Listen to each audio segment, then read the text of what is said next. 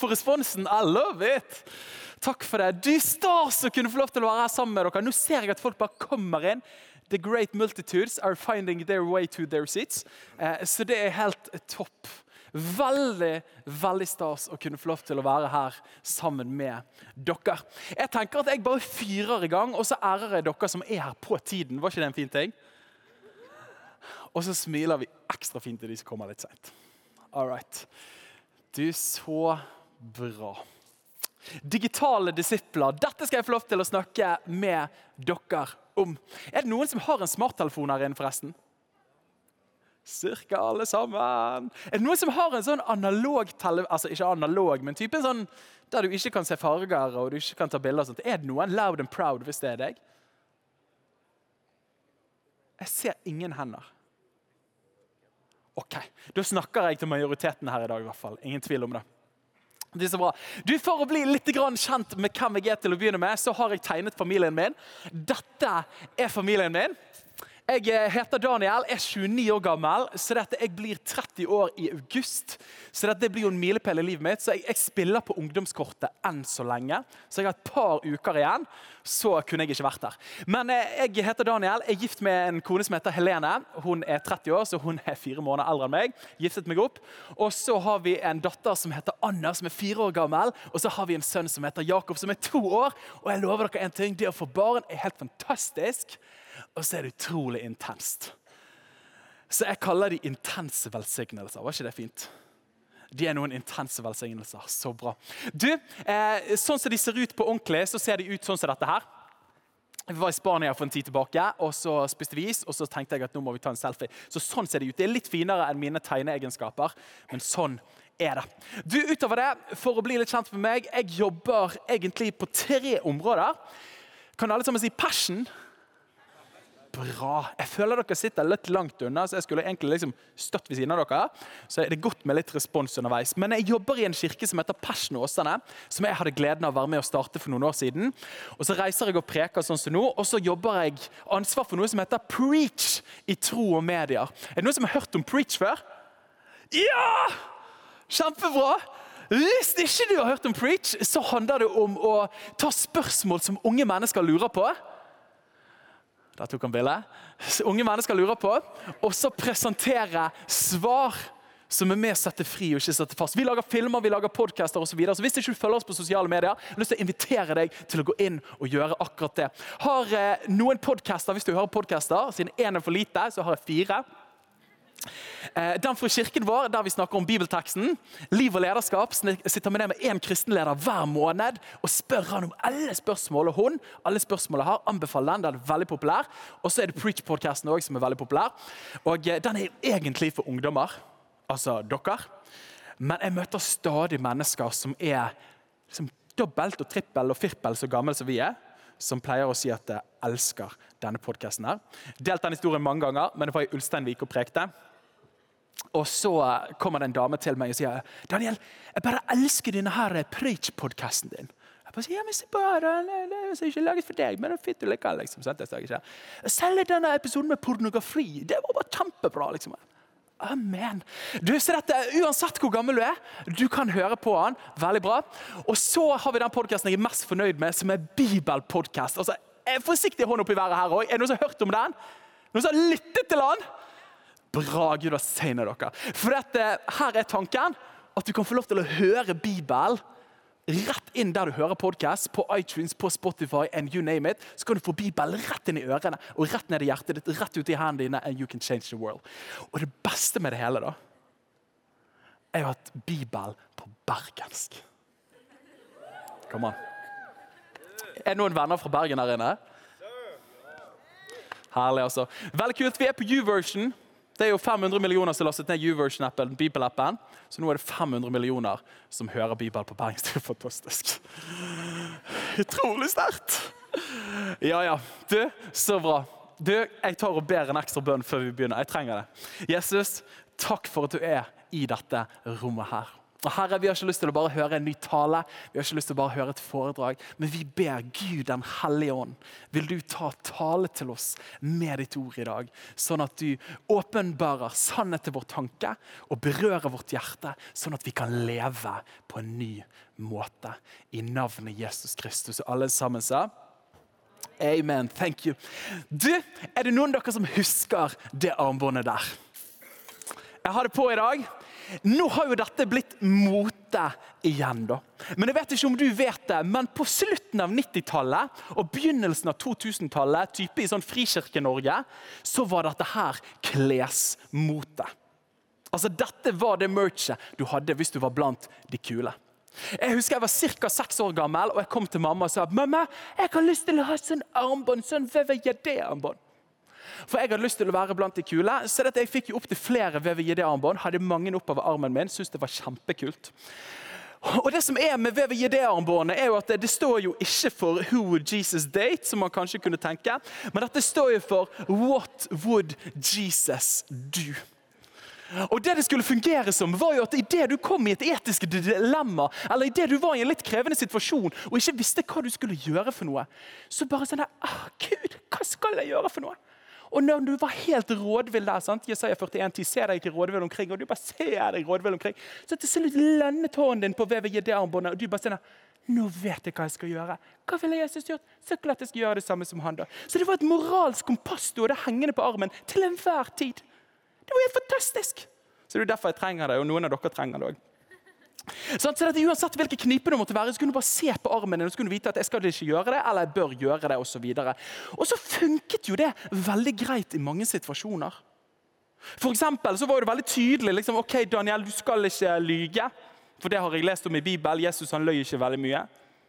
Ikke i det hele tatt. Eller det var veldig greit. ok, Jeg skal ikke baktale noen andre. Jeg skal ikke stjele. Jeg skal ikke drepe. Så det var veldig greit, for det hadde jo man lest i Det nye testamentet, at Jesus gjorde ikke de tingene. Så jeg, jeg, kunne jo erindre hva Jesus hadde gjort, og hvordan han levde. Så det var greit å forholde meg til det. ikke sant? Men så fant jeg et dilemma, og det er sikkert flere av dere som har erfart det. Men, men, men konteksten for bibelteksten er jo litt annerledes enn hverdagskonteksten til mange av oss. Som gjør at, at, med det armbåndet, når jeg lå i sengen min på kvelden og tenker liksom, ok, hvilken film er det greit å se på Netflix egentlig? Og så ser jeg på armen min. Hva ville Jesus gjort? Slår opp i de fire evangeliene og bare sånn I can't find Netflix here. Hva skal jeg gjøre for noe? Herre, har du ingen mening om disse tingene her? Eller sant? Jesus han tydeligvis sto ikke overfor dilemma. Hvor lenge kan jeg se på Netflix på kveld på iPaden min før jeg må skru av for å være opplagt til skole etterpå? liksom. Jeg ser ikke at Jesus strevde med de tingene der. Eller det som er enda verre, det virker ikke som Jesus brukte liksom ukevis på å gruble over hva skal det nye profilbildet mitt være på Instagram, Snapchat, Facebook og TikTok. Og Da hjalp det plutselig ikke å ha det armbåndet. Hva ville Jesus gjort? For Jeg kan ikke lese om at han sto overfor de problemene pga. at bibelkonteksten var så annerledes enn min hverdagskontekst. Og Da blir spørsmålet som jeg har lyst til å stille her i dag, og som jeg tror vi alle trenger å stille oss, er nettopp dette her. Hva ville Jesus gjort i en verden full av skjermer og sosiale medier? Hvis du lurer på det, så får du svar i løpet av de neste øyeblikkene. For Vi har jo den fristelsen at vi kan tenke at vet du hva? Det er bare helt forferdelig det som finner sted akkurat nå. Med alle disse skjermene og sosiale mediene og disse smarttelefonene som har gjort oss langt mindre smarte. Det er jo bare en erkjennelse vi er nødt til å innrømme. Og så kan vi liksom bare si at vi stopper tiden. La oss lage vårt eget Amish-prosjekt. Vi forblir på 1960-tallet. Funker ikke. For vi er jo tross alt i verden.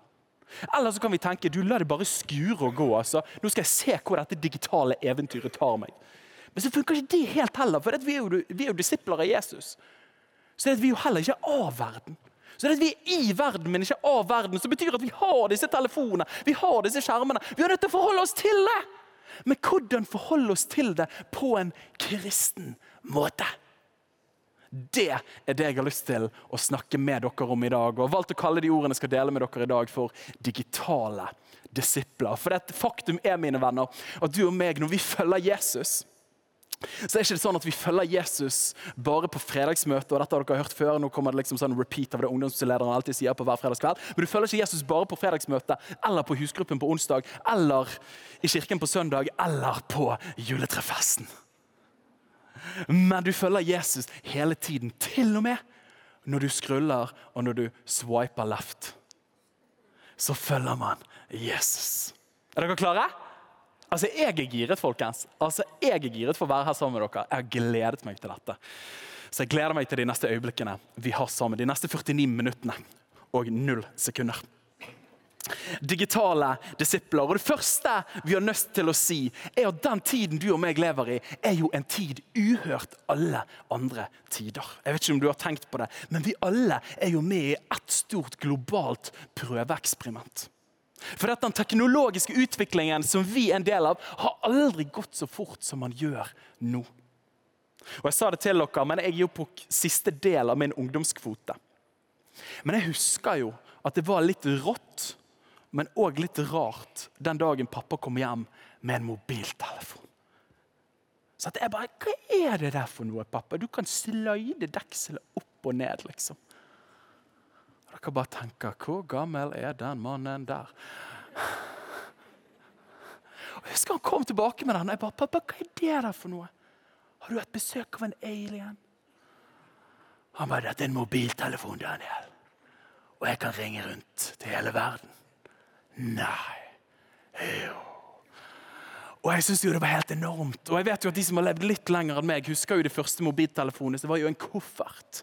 Tenk å kunne komme til babyen liksom på date. babe. Det er en ting du trenger å vite om meg. Men jeg har mobiltelefon. Og han bare Wow, tuller du? Jeg mener det. Og det koster en månedslønn å ringe i 15 minutter. Uansett, Den teknologiske utviklingen har jo vært crazy. og De fleste av dere kjenner jo bare til mobiltelefoner. Og Bare det å snakke om liksom, hva var fasttelefonnummeret ditt, ville jo vært rart. For det var jo bare ett telefonnummer. Det var jo 55 1946 44. Det var jo nummeret til familien Sæbjørnsen. Men så fikk pappa plutselig et eget nummer. Til i dag at man Hva er fasttelefonnummer? Er dere med meg? Utviklingen er crazy. Jeg tenkte at vi kunne ha det litt gøy her. Men vi har jo da beveget oss fra en jordbruksrevolusjon, der noen type i steinalderen sa at hei, her har vi en potet. Kanskje vi kan plante den? Shit, her fikk vi flere poteter. Dette var godt i magen vår. Dette var great. En jordbruksrevolusjon. Og så kommer noen og sier men hva om vi bare dropper litt naturalhusholdningen, så begynner vi industriell revolusjon. Og så får vi sånne samlebånd, og så lager vi biler, og så lager vi båter, og så lager vi ting som bare blir fabrikkert bortover. Så den industrielle revolusjonen. Men så kommer den teknologiske revolusjonen og som ga veien til information age, eller kunnskapssamfunnet, som du og meg er en del av. Og det begynte skikkelig å skyte fart på 1970-tallet utover. Er dere klar for en liten historiegjennomgang? Dette er jo litt morsomt da. Utvikling fra 1970-tallet. og Hør på det her. Dette føles jo som en fjern fortid, men det er ikke så veldig lenge siden i et historisk perspektiv. 1972 så kommer den første spillkonsoll. Så ikke den fet ut? Det er noen som husker den. bare, åh, det var tider. 1972 så kom den. I 1975 så kom Microsoft. Det er kult. Det var første logoen deres. Og i 1975 så kom Apple. Jeg tror vi kan slå fast at den første grafiske designeren de hadde, fikk sparken. For det var langt mer innviklet enn den minimalistiske logoen de har i dag. Og Den første hjemme-PC-en var The Apple 2 TRS80 modell 1 og PET. Kan du se for deg å ha det der på rommet ditt? Hvor kult var ikke det? Eller for den del så Walkman. Walkman, det var tider. Og det opplever ikke jeg er 1970-tall-fenomen. Jeg husker da jeg var liten, Mamma skulle ut og jogge, så tok hun i Walkman på siden. Det er sikkert flere som kan huske det. Det var kult. Og På 1980-tallet så beveger det seg videre. Vi får CD-en. Og Det står jo for compact disk. Jeg vet ikke om du vet det. Videre utover så fikk vi den første håndholdte mobiltelefonen i 1982. Videre så fikk vi i 1985 Windows, som var første programvaren da, til Microsoft. Utover det så fikk vi i 1988 det første digitalkameraet. og Det var litt tidligere enn du trodde, for vi fikk det først på 2000-tallet. det er liksom sier. Og I 1989 kom den første digitale animasjonsfilmen. Er det Noen som husker Ariel? Har dere sett den havfruen Ariel? Den første digitale animasjonsfilmen. Det var sterkt. Og så fikk vi i 1989 The World Wide Web. Altså Internett. Tider. Og Så kommer 90-tallet, og da begynner ting å skyte fart her. I 1995 så får vi DVD-en. Og Etter det så får vi i 1996 så fikk vi USB. Hva skulle vi gjort med skoleoppgavene og presentasjonene uten USB-pinner? Og I 1998 så får vi Google, og i 1998 så får vi Wifi. Og Der er jo noen av dere som tenker kunne de leve uten Wifi? Jeg tror at noen overlever det, faktisk. Men så kommer 2000-tallet. Altså, altså, nå føler jeg meg gammel, men kjapp. Er det noen som husker når du skulle logge deg på før Wifi sa den pip, pip, pip, pip, pip. Er det noen voksne her inne? Det er noen. Det var tider. Og 2000-tallet. Der kom TikTok litt fort. 2000, Nokia 3310. Det var tider. Nå er det noen som ler der bak, for dette var glansdagene. Her fikk de den første kjæresten. Her hadde de den første monotonen som du kunne bestille på baksiden av Se og Hør til 30 kroner. Så kontantkortet ditt har du råd til tre stykker. Kontantkort òg er jo morsomt. ting. Og I 2001 så kom Wikipedia, og nok en gang, hva var skoleoppgaver før Wikipedia? kan du tro? Jeg vet ikke. Jeg tror ikke de skrev noe. Og I 2003 så kom Skype. Og I 2004 kom Facebook and changed life as we knew it. Og I 2005 så kom YouTube, og i 2007 så kom iPhone! Og det blir en milepæl som vi skal se. It changed everything! Og I 2010 så kom Instagram, og i 2011 så kom Snapchat, og i 2012 så kom TikTok. Med andre ord, utviklingen har vært crazy.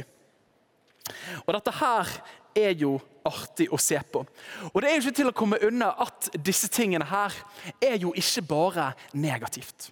Så når man drar på seminar, sånn som dette, så kan man gjerne tenke at Daniel, nå skal du bare rakke ned på disse tingene her, og du skal si at nå skal vi etterpå ha et stort sånt møte der vi samler telefonene våre. Og så har jeg funnet hamre til alle sammen. Så skal vi bare knuse det. Og så skal vi ta en bibel og holde den til hjertet vårt og si at Jesus, vi skal aldri se på telefonen igjen.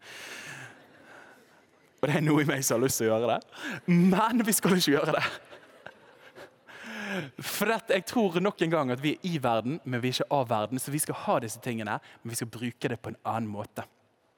Men den teknologiske revolusjonen har på ingen måte bare vært tom. Det har jo hjulpet oss i å kommunisere med hverandre. FaceTime, slektninger, se folk på andre siden av kloden. Vi jobber mye mer effektivt enn det vi gjorde før.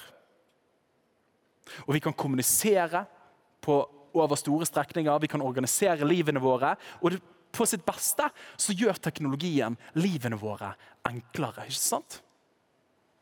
Men så finnes det òg noen utfordringer når det kommer til den teknologiske revolusjonen. Jeg har lyst til å snakke noe om utfordringene, for det gir oss noe av forståelsen til hvordan vi skal håndtere disse tingene. Denne kvinnen her, hun heter Sean Twinch og hun er psykolog og jobber ved Statsuniversitetet i San Diego. Og I 2018 så ga hun ut en bok som hun kalte iGen. Og Det er jo tidenes lengste undertittel. Men la meg lese den for dere. Her står det iGen. Why today's superconnected kids are growing up less rebellious. Come on, det er veldig bra. More tolerant. Det er jo en fin ting.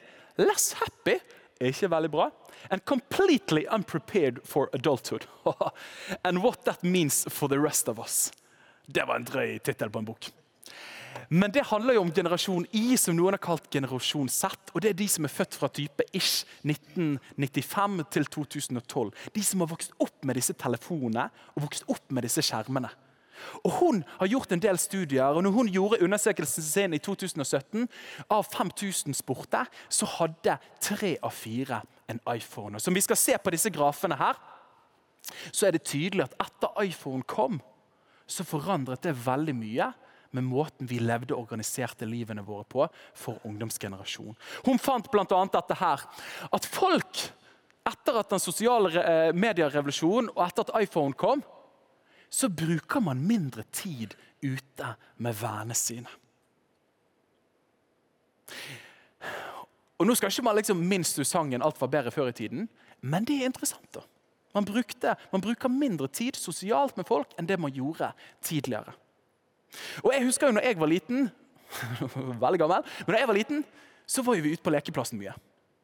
Men så ser jeg den oppvoksende generasjonen, og når jeg har jobbet som ungdomsskolelærer, så forstår jeg det at det å bare henge på lekeplassen, det å ringe på til naboen og si 'vil du være med meg', det skjer ikke så mye. da. Man tekster, man sender en melding, man sender en snap osv. Jeg husker vi ringte på. Jeg fikk ikke ringe på telefon. 'Mamma, kan jeg låne fasttelefonen?' Nei, det koster penger. Sånn? Så du gikk og ringte på. Så man bruker mindre tid med vennene sine. Er du klar over at etter iPhone kom, så tar man førerkortet seinere? Det var jo interessant, da. Og videre man dater mindre enn det man gjorde tidligere. Der kan jo noen av oss kristne konservative tenke at det er nå ikke bare helt ondt. Man dater mindre. Og så kommer jo den som er veldig trist. Nemlig det at erfaringen av ensomhet, utenforskap og mange andre psykiske utfordringer har hoppet i taket etter at iPhone kom, og etter at de sosiale mediene kom helt med oss inn på soverommet under dyn. Tror ikke du at mange av oss kan kjenne oss litt igjen i dette? her? Jeg bare tenker at Idet du går inn på denne Snapchatten, i det du går inn på denne Instagrammen, så ser du og man har hørt det før, men så ser man disse retusjerte, filtrerte bildene av alle andre som lever det perfekte livet. Og man kommer ikke unna at det fort skaper en tapsfølelse i mange av oss. Det hadde man ikke på samme måte og med samme intensitet tidligere. Og så fant hun også det, og denne grafen her tror jeg alle her inne kan bevitne, at sannsynligheten for å få nok søvn har blitt mindre etter at smarttelefonen kom og ble helt med oss inn på rommet. Og det kan jeg òg bekjenne. iPad i sengen. Jeg skal bare sjekke en kjapp nyhetssak. Bli fort en halvtime til en time, osv. Og, og så våkner ungen klokken fem, og så tenker du 'hvorfor var jeg så dum'? Så dette er noen av utfordringene. Noen andre utfordringer som vi møter på, er jo det som omhandler hvor mange likes får vi. Med andre ord sammenliggende. Hvor mange likes, hvor mange kommentarer, hvor mange følgere har jeg. Dette preger oss. Det var en som skrev, Ingrid på 18 år skrev i Aftenposten for en del år tilbake. Hun skrev jeg byttet profilbilde i dag. Da jeg kom hjem, brast jeg i gråt. Hvorfor det? Fordi at jeg hadde ikke fått nok likes. Jeg hadde ikke fått nok kommentarer. Å, knis, gid, kos, skjønn. Og Det er jo ikke dumt. Det er jo helt naturlig å tenke på det i den tiden vi er en del av. Men det gjør oss veldig sårbare ved at vi lar det ytre der få definere verdien vår inne her. Sammenligning er noe av det store. En annen utfordring som møter oss, er jo frykten for å gå glipp av noe.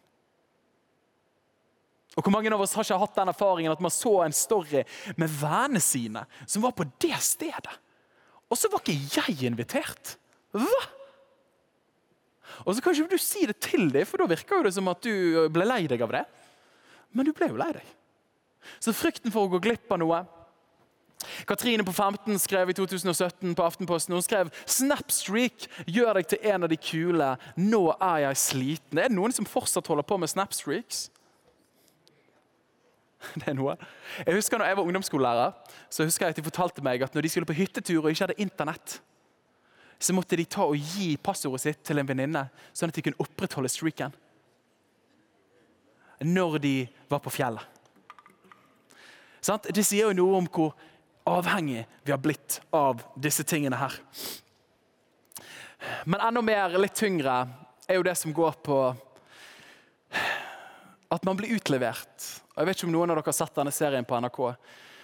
Men flere ting og flere serier, og ikke minst dette er oppe nå for tiden, at man blir tatt bilde av, man sender bilder, og det er veldig sårbart. Og Noe av det nærmeste ved oss blir eksponert og utgitt til veldig mange flere rundt oss. Her var en undersøkelse som ble gjort for en tid tilbake, der 13% av barn og unge mellom 13 og 18 år har delt nakenbilder av seg sjøl det siste året. Med andre ord dette er sårbare greier. Eller Ja, dette er fra Barn og Medier i 2018. Eller dette her. I England har de fått sitt eget ord for det, men fubbing og Dette tror jeg vi alle har opplevd, og vi alle har noe gjort mot andre. Det er the act of snubbing someone in a social setting by looking at your phone instead of paying attention. Den er real, altså. Og den opplevelsen der, det bildet der, skjærer meg i hjertet etter jeg ble pappa. For det der er så lett. Dette er noen av utfordringene som vi møter. Men vi skal ikke bare snakke om de triste tingene. Nå er vi, på, nå er vi litt på samme side her, er ikke vi det? Vi forstår at, at, det er mange utfordringer med disse tingene. Og det tror jeg egentlig ikke at jeg hadde trengt å formidle til dere, for at vi alle lever med disse vibrerende påminnerne om det til enhver tid. Men i møte med dette, og som spørsmålet var til å begynne med, hva ville Jesus gjort i en verden full av skjermer og sosiale medier? Så tror jeg at vi har tre responser som er lett for oss å falle for. Og Den første av dem er det som er isolasjon. Hva er det for noe? Jo, det er det jeg sa tidligere. Men det er fristende for oss, og jeg kjenner det. Nå kommer jeg fra Vestlandet. Er det, er det en del fra Vestlandet her inne? Rogaland? Mange. Men så det er jo fristende for vi som kommer fra bedehus og frikirkelighet på Vestlandet. og bare sånn, åh, Alt var så mye bedre før i tida. Kanskje vi bare tar og trekker oss tilbake i bedehuset? Og så tar vi gardiner foran, og så synger vi 'Kom bare ja'. Håper at Jesus snart kommer igjen. Og så har vi åresalg og basar og strikker til Madagaskar. Sånn at, og jeg elsker det. Kjempebra. Sånn at, men så er det fristende. Så fristende å liksom bare koble av verden der ute og så holder vi oss for øynene og bare sier dette skjer ikke. Vi, dette skjer ikke, Det skjer faktisk ikke. Og så starter vi vårt eget lille Amish-prosjekt. Jeg er fristet til det. altså. Etter at jeg fikk barn òg, og av og til ser hva de eksponeres for rundt i samfunnet, så tenker jeg herlighet, dere unger skal aldri ut av huset. Vi skal homeskole dere til dere er 30. Og så skal jeg finne noen å gifte dere med, et søskenbarn. Og så og så skal vi leve i en isolert boble for resten av livet, og det kommer til å bli helt great. Og så kommer Jesus tilbake ca. når jeg er 74 år, for det har jeg klart å regne ut. Sånn, er du med? Det er fristende. Og vi kristne som er kristne konservative, altså det ligger litt latent for oss, men det er en veldig dårlig vei å gå. da. For Utfordringen med det er at kanskje det funker i én generasjon. La, la, la, la, la, Verden går videre der ute. Jeg later som det ikke skjer. Men vi mister barna våre.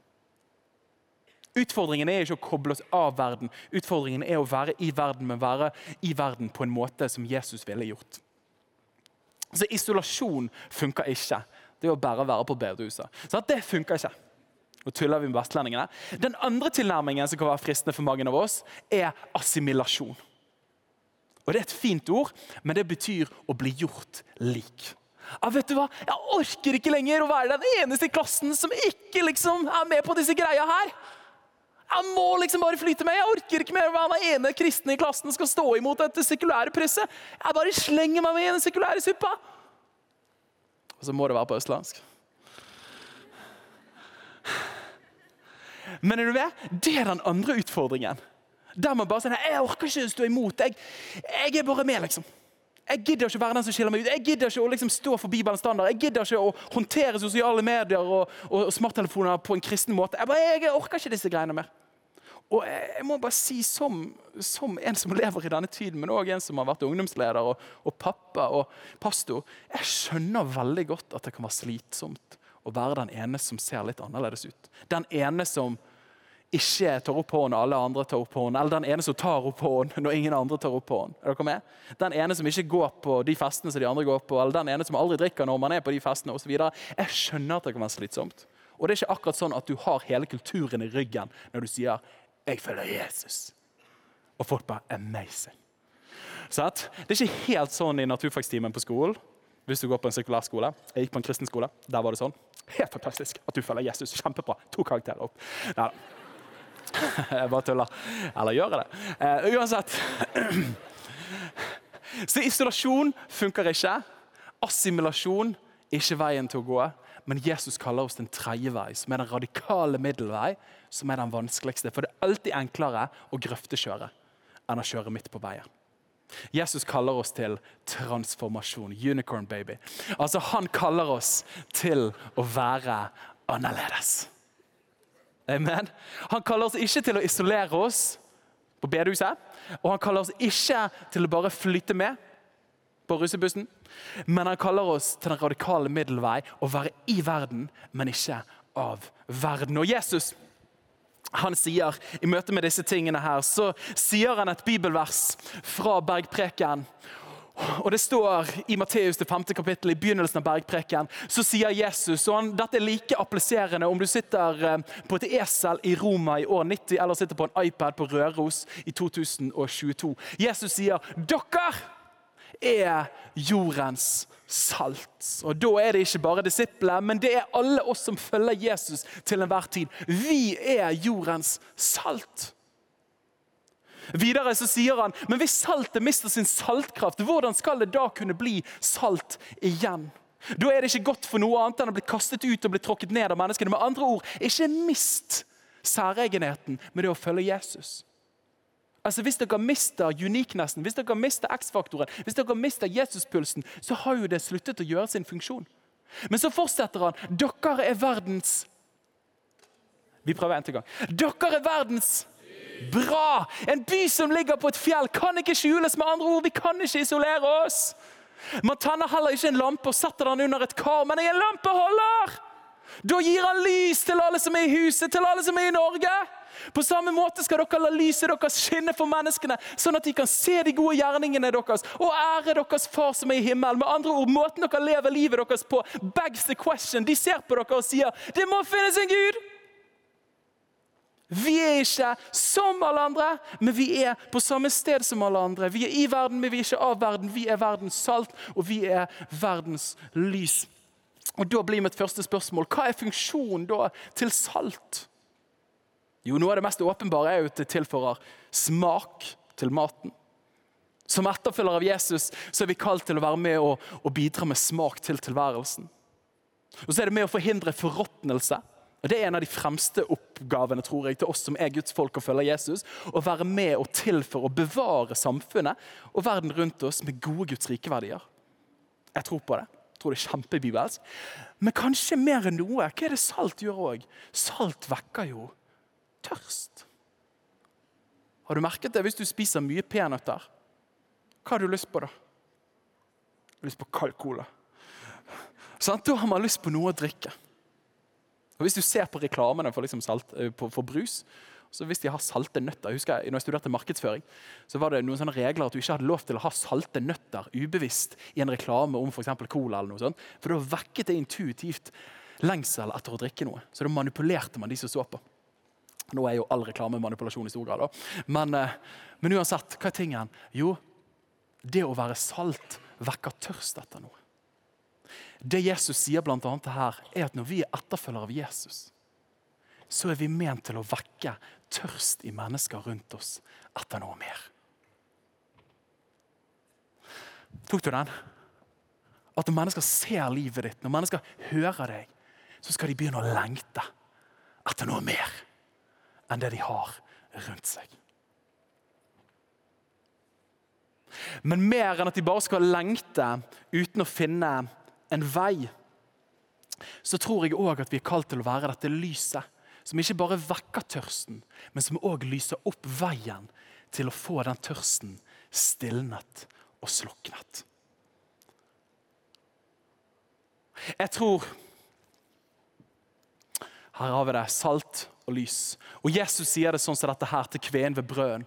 Han sier, Jesus svarte og sa til henne, hver den som drikker av dette vannet, vil tørste igjen. Men hver den som drikker av det vannet som jeg gir ham, skal aldri i evighet tørste. Men det vannet som jeg gir ham, blir i ham en kilde med vann som veller fram til evig liv. Og når jeg forberedte disse ordene her og jobbet med dette, så slår det meg at så mye av det som finner sted i våre klasserom, i våre vennekretser, i samfunnet rundt oss, på sosiale medier, på disse smarttelefonene våre, er som å drikke saltvann. Jeg husker da jeg var liten og spurte mamma vi var på båttur og vi hadde ikke vann. Så jeg mamma, hvorfor kan ikke vi bare drikke saltvann? Det er masse vann rundt oss her. Og Det var jo for så vidt et naturlig spørsmål fra en ung gutt. Men så sa hun Daniel, drikker du det vannet der? Det du. Det var ikke helt hun sa. Men hun sa at når du drikker saltvann, så blir du bare tørst etter mer, etter mer, etter mer. etter mer. Hva er poenget? Det tilfredsstiller ikke. På samme måte som hun unge Ingrid som fortalte at jeg kom hjem og byttet profilbilde, og da begynte jeg å gråte. For jeg hadde ikke fått nok likes, nok kommentarer, nok følgere. Og vi alle kan ha det sånn på ulike områder. Hvorfor det? Fordi dette her er som å drikke saltvann. Det vil aldri tilfredsstille din sjel på dypet. Og jeg tror at alle mennesker lengter etter noe dypere, noe som tilfredsstiller i det lange løp. Og Jesus sier, ikke bare til kvinnen ved brøden, men til alle mennesker som lever i dag, til deg og til meg og til menneskene i vår verden, at hvis du kommer til meg, så vil den tørsten og lengsel og behovene som vi alle kjenner på, der vil den virkelig bli tilfredsstilt. Åh. Og Da har jeg lyst til å bli litt konkret med dere etter hvert. Daniel, OK, jeg tar poenget. Vi er kalt til å være i verden, ikke av verden. Vi skal ikke løse døren på bedehuset. Vi skal ikke brenne bedehuset og assimilere, men vi skal ha den transformasjonveien. Vi skal være i, men ikke av. Vi skal følge Jesus, være salt og være lys. Men hva betyr det i praksis? Og Min kone er sånn, Når jeg preker og har prekt en god preken, sier jeg Helene, det der var jo helt amazing bra. Og så sier hun jeg vet egentlig ikke, du var jo ikke praktisk.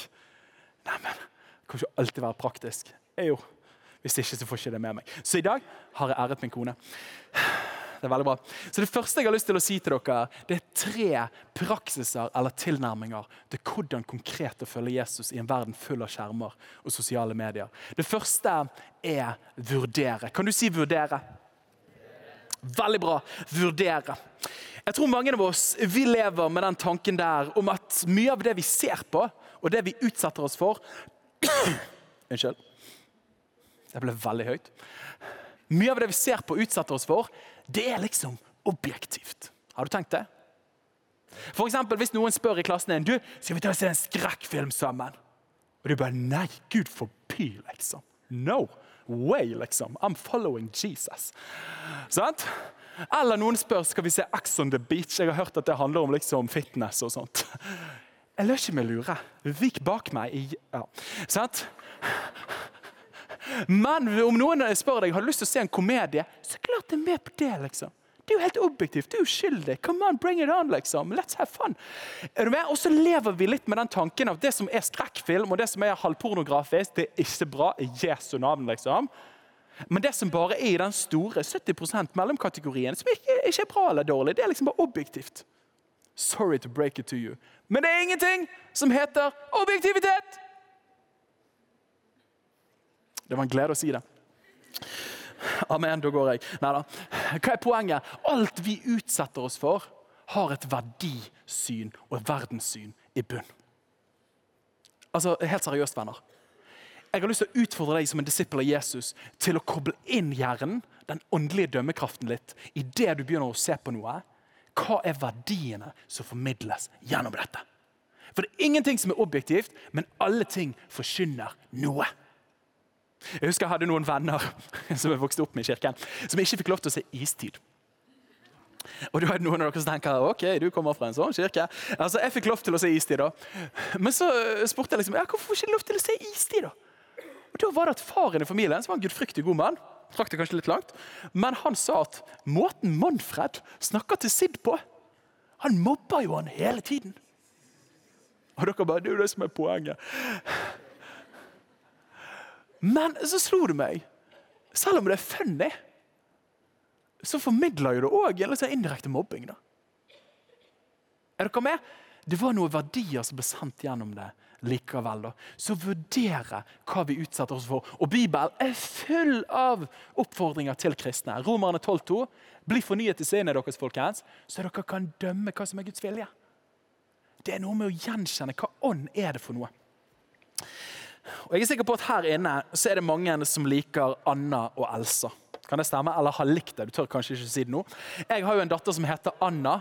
Det er noe, noen gutter. Det var jo interessant. Nei, eh, men, eh, men, min datter heter Anna, og vi prøvde å forby henne å se eh, Elsa og Frosta lengst mulig grad. Vi syntes liksom Vennebyen var greit nok. Men så har de fått lov til å begynne å se det. Og jeg vet ikke om du har tenkt på det, men jeg har liksom bare tenkt, dette er jo liksom soft, liksom. det er jo bare underholdning. Men i hvert fall når du hører teksten på engelsk. da. Hør på det her. Let it go, let it go. Can't hold it back anymore. Come on, folkens. da. Let it go, let it go. Turn away, yeah, slam the door. Veldig bra. Kjempebra. Nydelig. Takk. Men det er også let it go. Fint nok, liksom. Bare la det fyre og gå. liksom. La det fyre og gå. Og så sier han turn away and slam the door. ok? I don't care what they're going to say. Let the storm rage on the cloud, uh, never bother me anyway. It's funny how some distance makes everything seem small. Og så videre og videre. Og så kommer det på slutten. No right, no wrong, no rules for me. I am free. Og Vi bare synger disse sekulære sannhetene og tenker at det er objektivt, og så preger det tankene våre. Dette er jo tull! Er dere med? Dette går jo virkelig ikke gjennom bibelfilteret. Så klart er det regler for deg. Så klart er det begrensninger. Men er du med meg? Pga. at vi ikke vurderer, og det er bare underholdning, det er jo bare morsomt, det er jo bare funny, så vi sekulerer oss inn i denne suppen her av disse sannhetene uten å tenke på det, så former det oss. For greien er, mine venner, at alt vi fokuserer på, former livene våre. Alt vi utsetter oss for, utformer våre liv. Så det første punktet vurder. Det andre punktet er verne. Kan du si verne? Det er jo mange studier som har blitt gjort på hvor mye tid vi faktisk bruker på sosiale medier og skjermer. Og Jeg synes at De ulike undersøkelsene viser alt fra liksom type tre timer til seks timer osv. Jeg må jo si at Det var litt skummelt etter at iPhone fikk oppdatering hvor mye skjermtid du bruker. Du får de rapportene, og du bare sier det stemmer ikke. Er det noen som har hatt den feelingen før? Du får liksom ukesoppsummeringen og bare Nei! Her har noen brukt telefonen min. Her har noen brukt telefonen min. Og jeg kan skylde på barna. Sant? De har sikkert vært på telefonen og sett på Vennebyen. Eh, det er i hvert fall ikke pastoren som har gjort det. Uansett. Vi utsetter oss for vanvittig mange inntrykk. Så det er Noe av nøkkelen her er at vi trenger å verne vårt sinn og vårt hjerte og vår sjel for hva vi utsetter oss for. Et av de bibelversene jeg lærte først, var mamma som innprentet i meg. Det var ordspråkene 423. Der står det 'bevar hjertet' framfor alt du bevarer. Pass på hjertet ditt framfor alt du utsetter deg for, for livet ditt vil bli preget av det. Med andre ord, det du ser på, det vil skape deg. Så vi trenger å verne og sitte på noen grenser. Og jeg tror at En av utfordringene er at den teknologiske revolusjonen har gått så fort at vi ikke har rukket å tenke hvordan vi appliserer det og bruker det, for at utviklingen går så fort, og det er så gøy. Universitetet i San Diego de hadde gjort en undersøkelse og de fant at dagens mennesker ble utsatt for informasjon tilsvarende 34 gigabyte hver eneste dag. Det er jo nok til å overbelaste de fleste laptoper i løpet av en uke. Det er jo ganske alvorlig. I en studie som ble utført, så fant de det at eh, vi mennesker blir utsatt for 105 000 ord hver eneste dag. Det tilsvarer 23 ord i sekundet i 12 våkne timer. Så blir øynene våre utsatt for dette. Jeg skjønner ikke hvordan de har klart å måle det, men de har klart å måle det. Og En psykologiprofessor som heter Paul Rebber fra Northwestern University sier at hjernen vår vil ikke gå full i løpet av vår levetid. Fy, tenker noen av dere. For vi har kapasiteten til 2,5 petabyte minne. Det er jo ganske mye. Jeg kan ikke sånn datating, men det er ganske mye. Det tilsvarer da tre millioner timer med TV-serier. Og jeg vet jo at det er noen av dere som kan se en episode til, så sprenger det. Eh, Sant? Det var eh, morsomt. Men greien er at vi tåler veldig mye, men vi preges av det. Jeg hørte en vits for en del år siden. Det var Noen som kom til en som bodde langs en motorvei. sikkert i Åsane i Bergen, der jeg bor. Og Så sa de til han, du, blir du påvirket av å bo langs motorveien. Og så sa han nei. Noen av dere tok han litt seint? Men det er greit. Han trodde han ikke var påvirket, men i aller høyeste grad var han påvirket. Hadde vi stilt oss opp med besteforeldregenerasjonen vår, og vi hadde satt opp en TV og sagt at dette er greit å se på, dette er ikke greit å se på, så hadde vi blitt rystet over det vi som kristne, gudfryktige unge mennesker syns er greit å se på i forhold til tidligere generasjoner. Vi er preget allerede, men da trenger vi å verne. Noen konkrete tips. Gamle telefoner hadde jo en knapp som het 'off'. Og det var sånn, Idet du trykket på den 'uff, det er vondt', eh, Men det betyr jo å skru den av. Og jeg vet at det høres helt insane ut. At du må ha en nådegave fra Gud, men det går an, min venn. Eh, Idet du trykker av-knappen, så plutselig får fargene på trærne mer farger og fargen på himmelen osv. Plutselig ser du at du har en familie og noen som er glad i deg. Så dette Vern teknologien i den forstand du sitter grensene for teknologien. Du bruker teknologien, teknologien bruker ikke deg. Så skru av telefonen. Det kan være en god ting. Jeg vet, det er brutalt. Men å ta av Internett iblant kan være en fantastisk ting. Og vi i Tro Media vi arrangerer iblant noe som heter Skjermfri uke. Ja.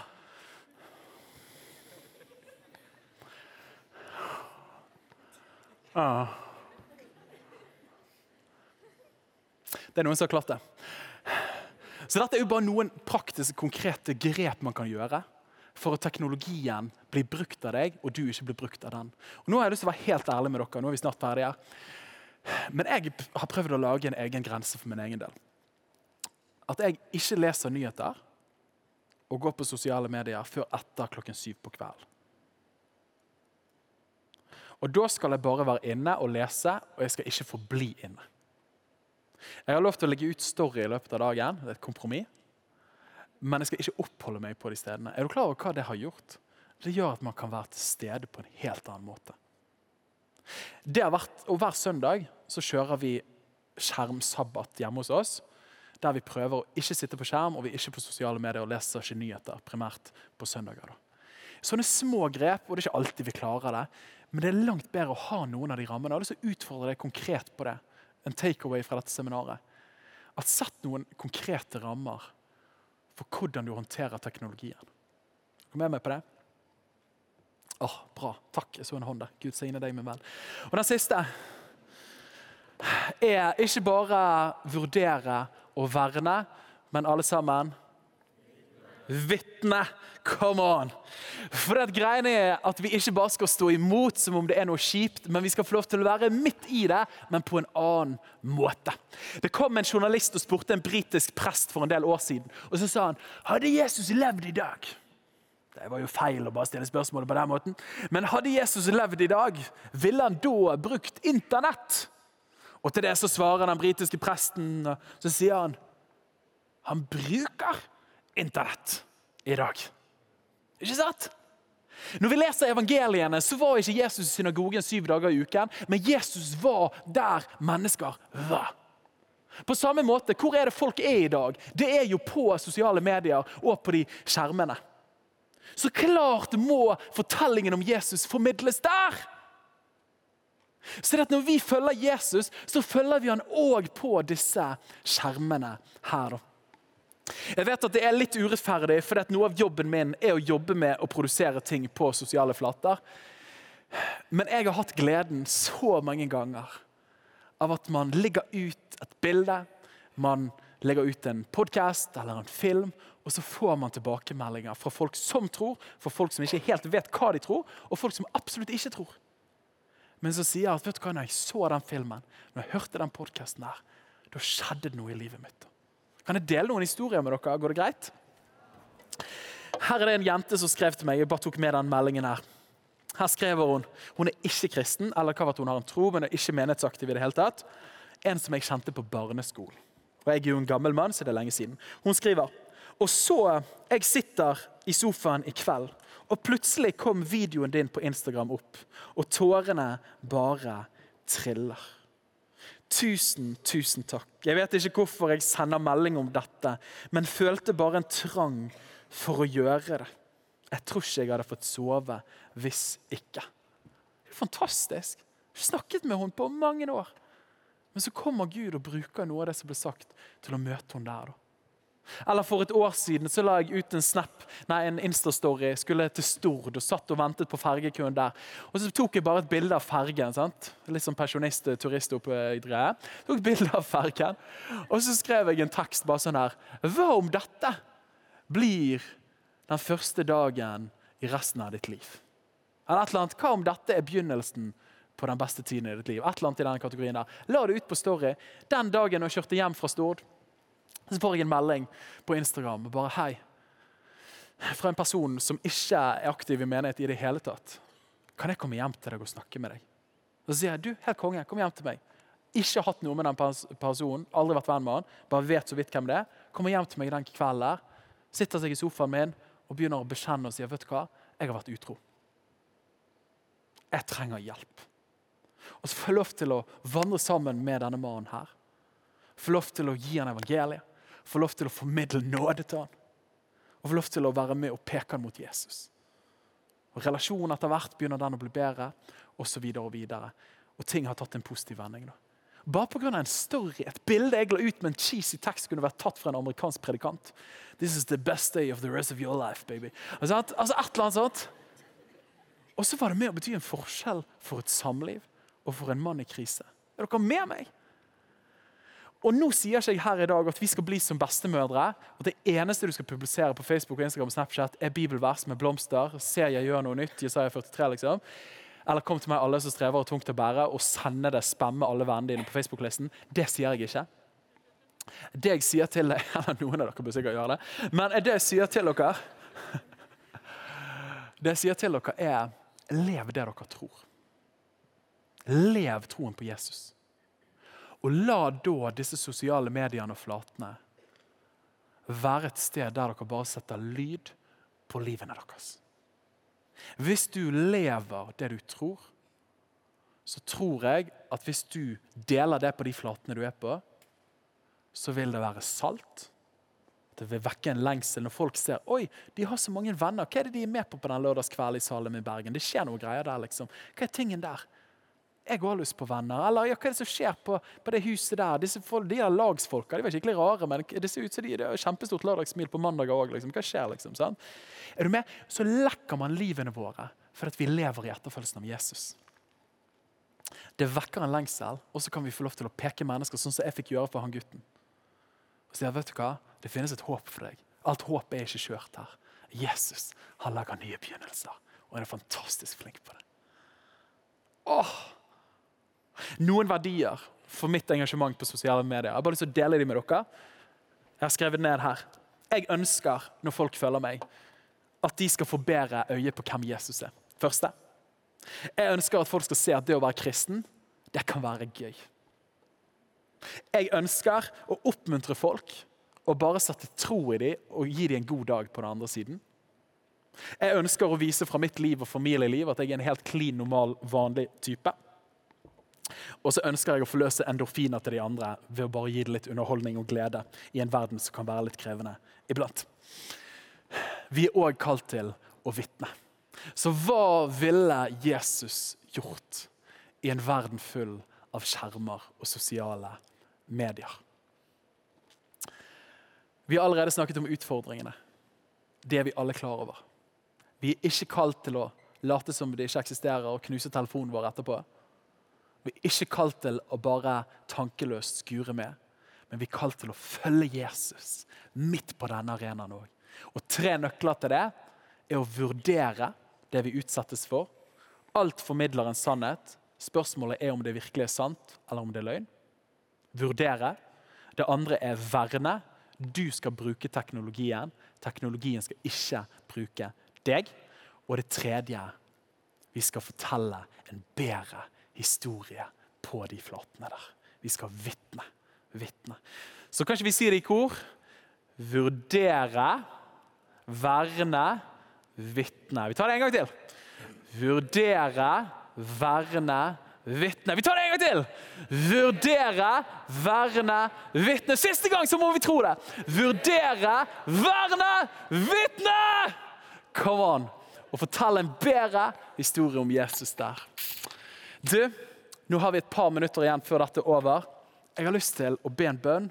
Så vil jeg ta et par Nei, først tar vi et par minutter i stillhet nå, der vi lar Gud tale til oss. Og så vil jeg at du skal tenke etter måten du bruker mobil og skjermtid på. Er det noen grep jeg kan gjøre? Så nå tar vi tar ett minutt, og så bare tenker vi. Jesus, nå lytter vi litt, og så tenker vi litt.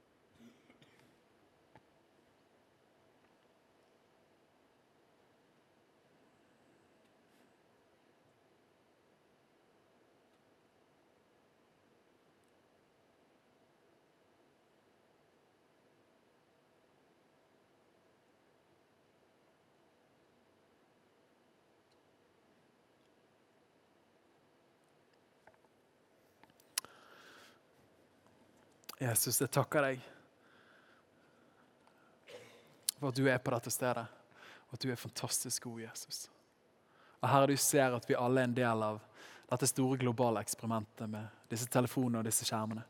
Herre, takk for at du kaller oss ikke ut, men du kaller oss til å være i det på en annen måte. Nå ber jeg, Herre, for alle vi som er her, og våre venner. Herre, hjelp oss å følge deg som en digital disippel i dagens Norge, Herre. Og Herre, jeg ber ikke om at bare vi skal bli bevart fra dårlige impulser, men jeg ber om at ut ifra dette stedet og dette rommet, at du reiser opp en hær av sannhetsforkynnere som gjennom de sosiale flatene forteller en bedre historie. Som vekker hjemlengsel og viser veien hjem til ethvert hjertes store lengsel, nemlig deg, Jesus. Herre, takk for at du er den som virkelig tilfredsstiller på dypet. I navnet Jesus Kristus. Og alle sammen sa amen. Tusen takk for meg.